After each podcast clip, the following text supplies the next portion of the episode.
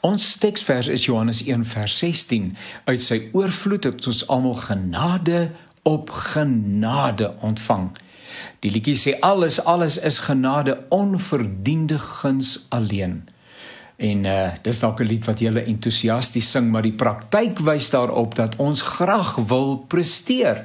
So amper asof die Here sê, "Jo, as ek jou daarom misloop, nê, nee, het ek iets besonders verloor.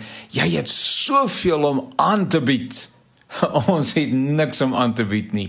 En wat nie beteken dat ons waardeloos of sonder betekenis is nie. Inteendeel, ons is beelddraers van die lewende God en dit is merkwaardig wonderlik Ons verteenwoordig hom in hierdie wêreld, maar in alles loop hy voor.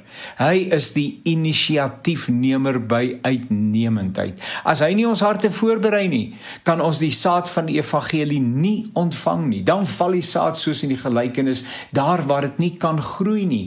Die feit dat die saad op goeie grond geval het in my lewe, het niks met my te doen nie, maar alles met God. Dit behoort my en jou buitengewoon dankbaar te maak en tot entoesiastiese lofverheffing aan te moedig.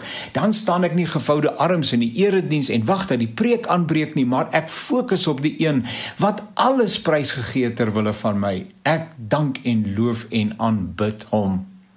So wees ek in die verhouding. Ek is 'n aangesprokene. Ek is 'n geadresseerde. Hy praat en ek antwoord.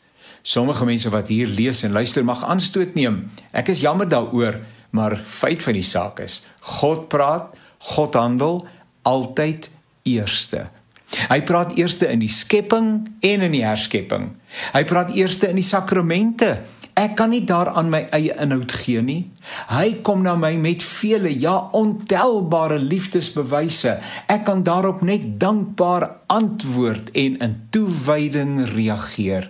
Ek wil dit weer eens onderstreep dat ons nie tot passiewe toeskouers gereduseer word nie, inteendeel.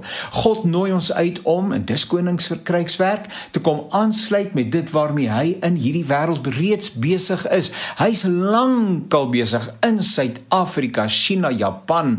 Hy's werksaam in Rusland, Rusland, Zimbabwe en Noord-Korea en hy nooi ons uit om in gebed en hoe ook al by hom aan te sluit en die avontuur van die lewe aan te durf. Maar in alles is God eerste.